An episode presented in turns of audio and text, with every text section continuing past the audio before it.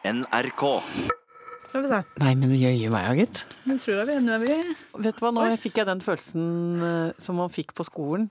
Um, du vet når du kom inn på morgenen, og så, uh, og så var ikke læreren der, var vikar. Fordi da ble man alltid i blanding av og glad og litt spent. Og litt men tøffa seg litt mer enn vanlig. Det gjorde i hvert fall jeg. Mener du det? Ja, ja, ja, ja. Nei, jeg var sånn snill jente som var solidarisk med læreren. Og nå har jo vi vikar, fordi Halvor eh, er borte i dag. Og Vivi Stenberg er plassert bak sjefsmikrofonen i studioet vårt. Jeg sier som Anne Grosvold, eh, noen en dag kommer jeg til å bli ferska at jeg ikke er flink på det jeg gjør. Jeg lurer på om dette er dagen. Nei! Men jeg syns du kler det, skjønner du. Jo, takk, takk, takk. Og jeg syns du kler eh, øreklokkene som vi har på oss når vi skal podkaste. Podkaste, så bra. Eh, Dere må være litt greie med meg, siden dette er eh, min jomfrutur, som både det ene og det andre. Eh, jeg fikk litt beskjed av Halvor på forhånd, skjønner du, og det Ja. ene var eh, pass på Anne, for eh, lyd, lydnivået. Så, uh, det er litt vanskelig å styre noen ganger. Jo, men nå har jeg lært meg at eh, Se her nå at jeg kan gå. Ja. Ikke sant, Da går jeg bak. Da forsvinner du bak. Ja, det, det er en- fordi jeg har fått meg rullestol. Supert. I oh, oh, oh! Og så Kom igjen nå. Så det er fysisk moderasjon av lydnivået. Og så kommer jeg inn igjen her, ikke sant? og da er jeg helt nær og ufarlig.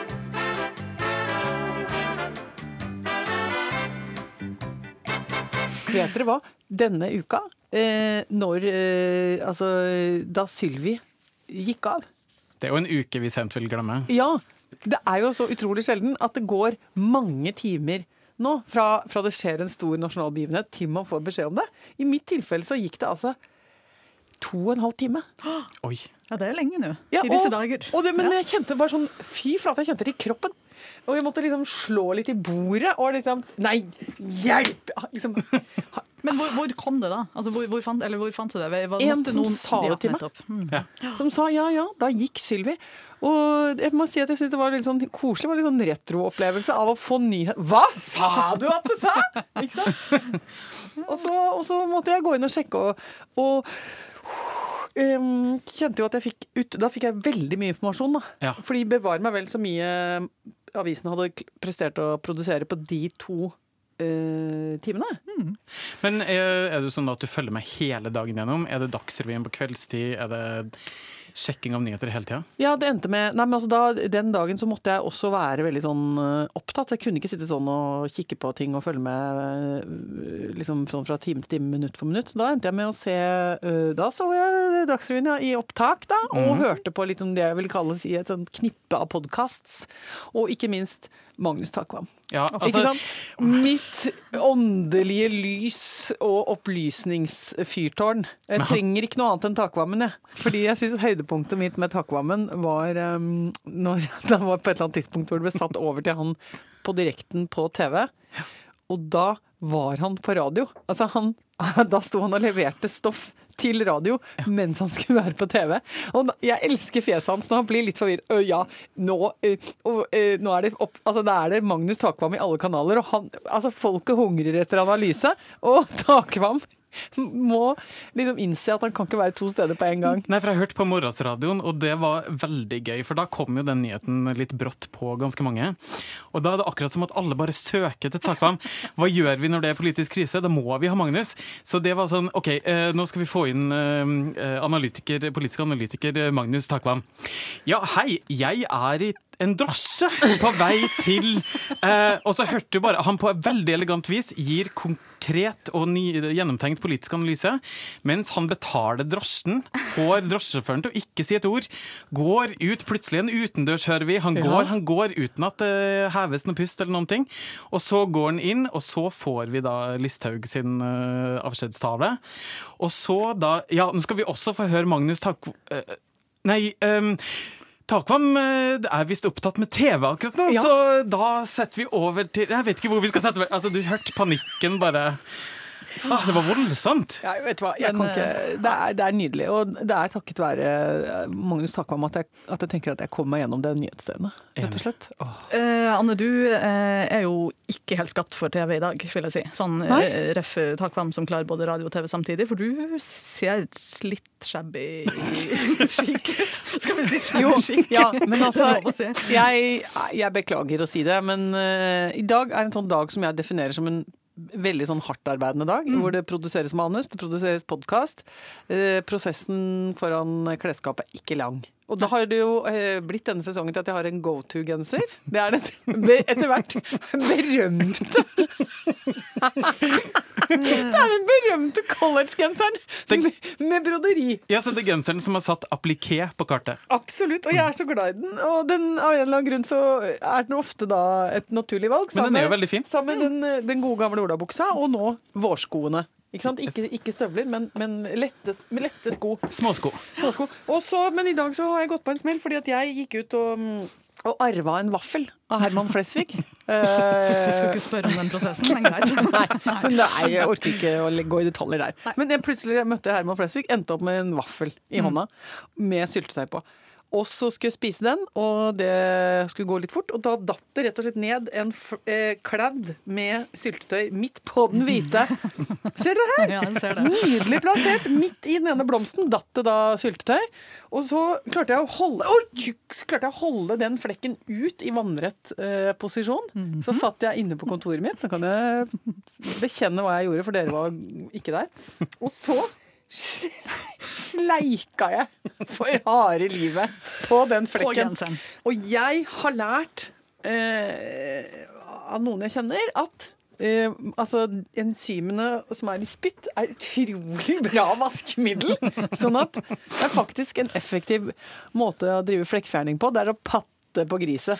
Altså, det, nå er det jo bare en sånn liten misfarvet flekk der, som er selvfølgelig ikke så veldig pen, men den er jo bedre enn den svære røde flekken som var der i stad. Ja, det er jo nesten bare et slags rosa skimmer over en eh, applikasjonsblomst. Ja. Nå er du hakket for greier, Rune.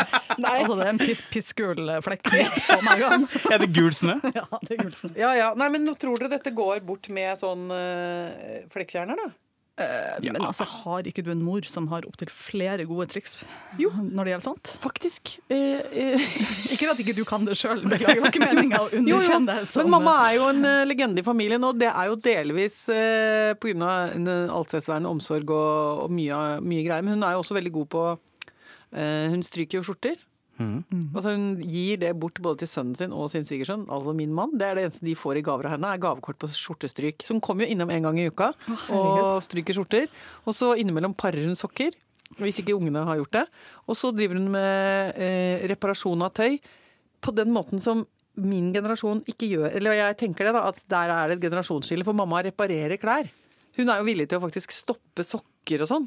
Det gjør jo ikke vi lenger, ikke sant? Ikke lenger. Og nå hadde han ene gutten min fått en vanvittig sånn fettsprut på en collegegenser. Og da har mamma brukt liksom to-tre dagsverk med flekkfjerning og ringer og oppdaterer hvordan det går. Du, nå har jeg brukt sånn oxyball, ikke sant? eller hva det heter for noe. Du, nå har jeg brukt sånn eh, liksom litt blanding av noe kobolt og noe klor. Altså hun holder på og koker sånn heksebrygg. Og smører på og smører på. Og så nå er to av fire flekker borte. Og så tenker jeg inni hjertet mitt sånn Det kan jo hende at den lille HM-slintra av en genser bare kunne fått lov å Ja, og det antageligvis koster mer i både strøm og materiale å la, koke opp da, den flekkfjerningsmiksturen enn å bare kjøpe en ny genser. Ja, så, og jeg må jo innrømme at noen ganger når sånt har skjedd, så har jo de tingene bare gått i søpla. Kan, ja. Nå kommer mamma til å ringe meg og refse, for når hun hører på podkasten, og jeg nå tilstår dette, så blir det oppgjør på kammerset.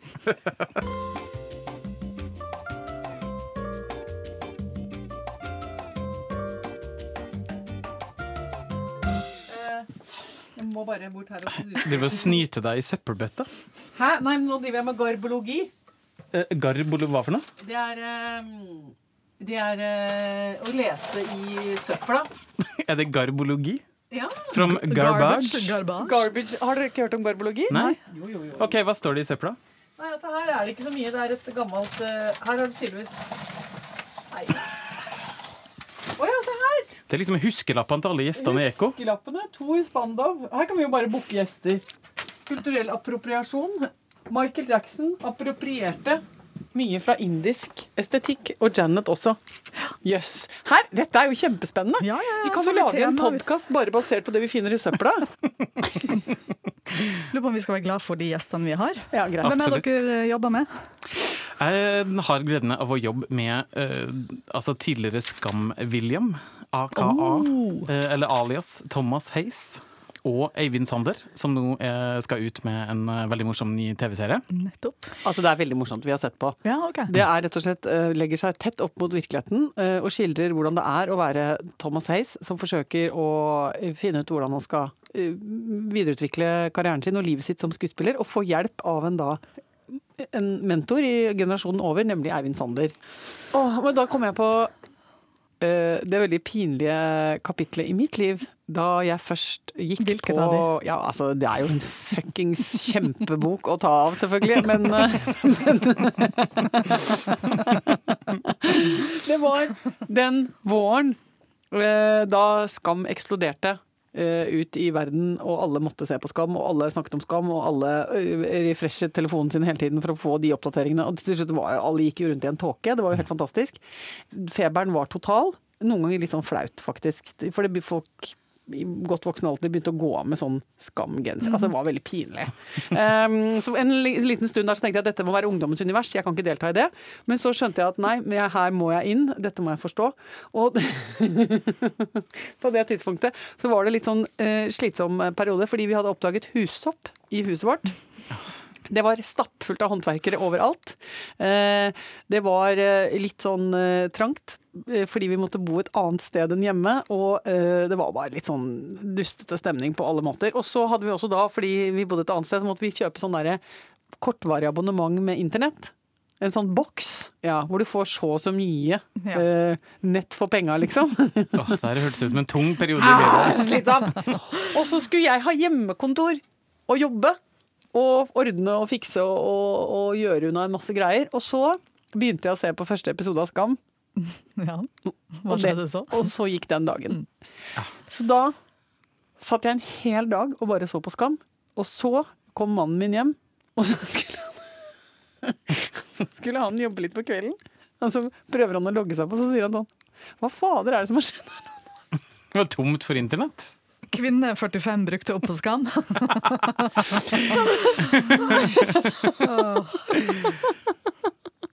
Og det var så utrolig bra, for noen ganger så kan man jo prøve å kamuflere sånne avsløringer litt sånn eh, Håpe at ikke barn er til stede, men det var sånn full avsløring. Det var sånn buksa på knærne-stemning. Det var sånn 'mamma, hva har du gjort?'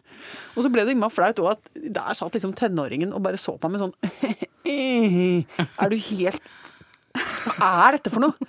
Liksom, moderen har jo velta seg rundt i Skam-universet eh, og brukte opp hele internettet. Og kjente, ting og kjente på skammen. Og kjente på skammen. Men jeg har et sterkt skamminne òg, og det handler om deg, Anne Lindmo. Tusen takk, jeg håper det er positivt.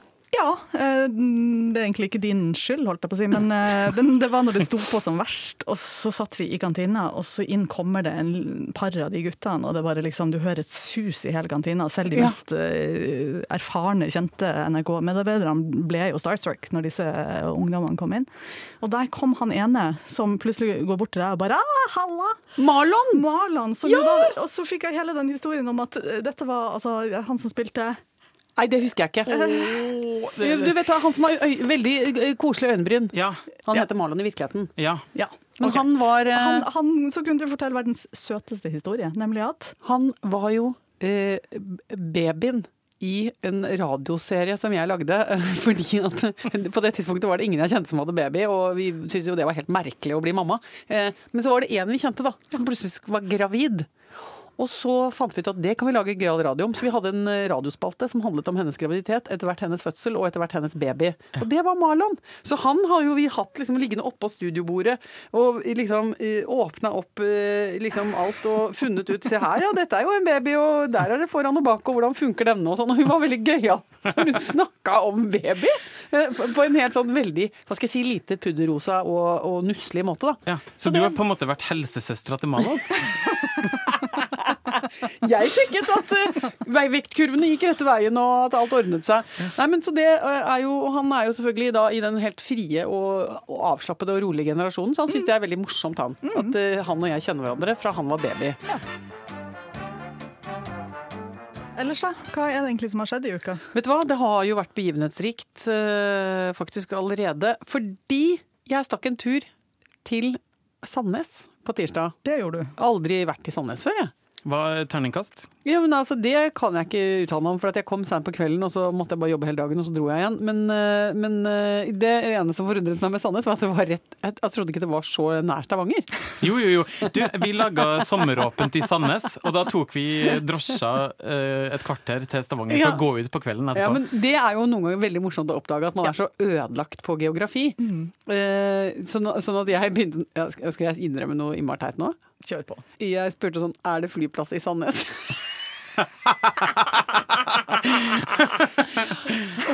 Meg, det er så dårlig, vet du. Men det som er hyggelig, er at um, moren min da minnet meg på at i, vi har røtter i Sandnes. Fordi at uh, der har jeg rett og slett en uh, nei, tippoldefar som heter Martin Adolf Grude. Ja, Ja, han heter det. Og, og så sier mamma da må du gå og se om du kan finne Det er en byst av han som står i Sandnes. Ja vel. Så flott, flottesen flott? Ja, men altså, Det er jo sånn man sier. ikke sant? At da må du, så sier jeg ja, ja, det skal jeg gjøre. Og så tenkte jeg nei. Uh, som oftest så bare dropper man jo sånne prosjekter. Men så jeg skulle da dra hjem igjen, så sa jeg til han drosjesjåføren kan du uh, uh, Vent litt, jeg må bare google noe fort. Så må, kan det hende vi må gjøre en liten, en liten omvei. Så googler jeg da Martin Adolf Grude, byste, og så finner jeg ut at den står rett ved rådhuset i Sandnes. så da, da eh, måtte jeg rett og slett få han til å stoppe, riktignok litt knotete i et kryss, og sprang jeg da rundt eh, Sandnes rådhus. Og fant Martin Adolf. Nydelig avbildet. Eh, eh, og, og han står der og er skjeggete, men jeg mener at neseprofilen den kan jeg kjenne igjen. Så jeg måtte ta bilde av den og sende den til broderen og si se her, har du nesegrevet ditt i, i granitt eh, nede i, i, i Sandnes. Og han var en, en feiende flott fyr. Han var um, fylkesagronom.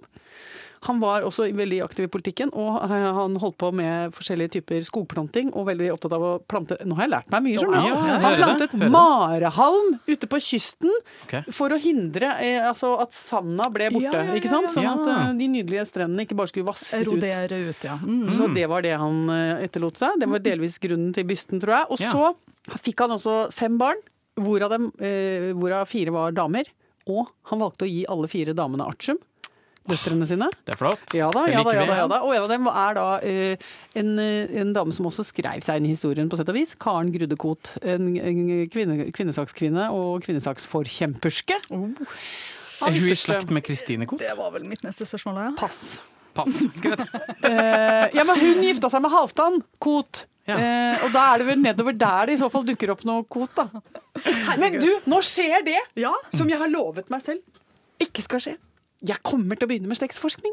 Å ja. Og det er jo et alderstegn helt Altså på samme nivå som rotfylling, som jeg har klokka inn på nå i vår. ikke sant? Har jeg jeg driver jo fortsatt med den rotfyllinga, er ikke ferdig ennå. Og det har jeg sittet og ledd av andre mennesker som har begynt både med tannproblemer ikke, ja. og slektsforskning. Men jeg er snart 40 år og har begynt å ønske meg biografier fra krigens dager. Sånn at det er, man kjenner det på kroppen. at Men jeg man kan, blir jeg, eldre. jeg kan anbefale det. Altså. Jeg, Slektsforskning? Ja, jeg er jo et par år yngre enn deg, men jeg har begynt sånn veldig litt. Lite, lite, lite. Ok, men altså jeg har da en fylkesagronom Ja. som, som sørga for å gi døtrene sine artium. Ja. Hva, har du funnet noe gøy? Jeg må se om jeg husker dette. Ja. For jeg fant dette i folketellinga på også min tippoldefar. Ja. Uh, han var sabelsluker og løvetemmer.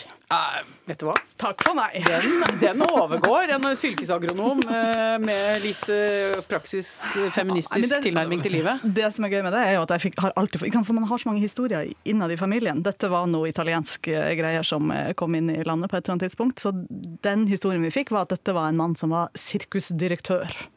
Herlighet. Flottesten flott. Eh, Jeg begynte å grave og søke litt, og så viste det seg at nei da, han var en reisende kar med uh, sabel i Som var himla god til å svelge, sier jeg.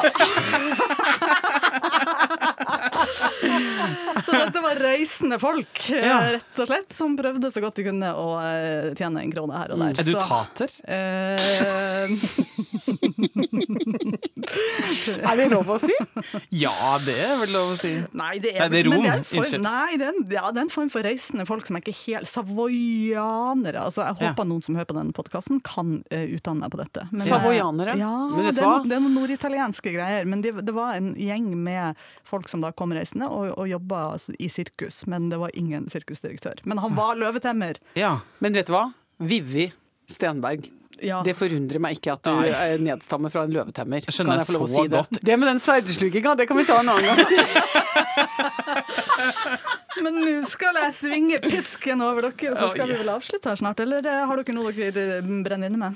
Nei, vet du hva, nå må jeg bare gå opp og prøve å finne ut av eh, Ja. eh, forskjellig. Men uh, dette har vært veldig gøy. Takk for eh, tålmodighet, uh, kjærlighet og Ja, det var vel det. Altså, Når vi kommer hjem i dag og folk spør åssen det gikk med vikar, så kommer vi til å si det gikk bra. Vi ringer til Halvor nå og si det. Gjør det.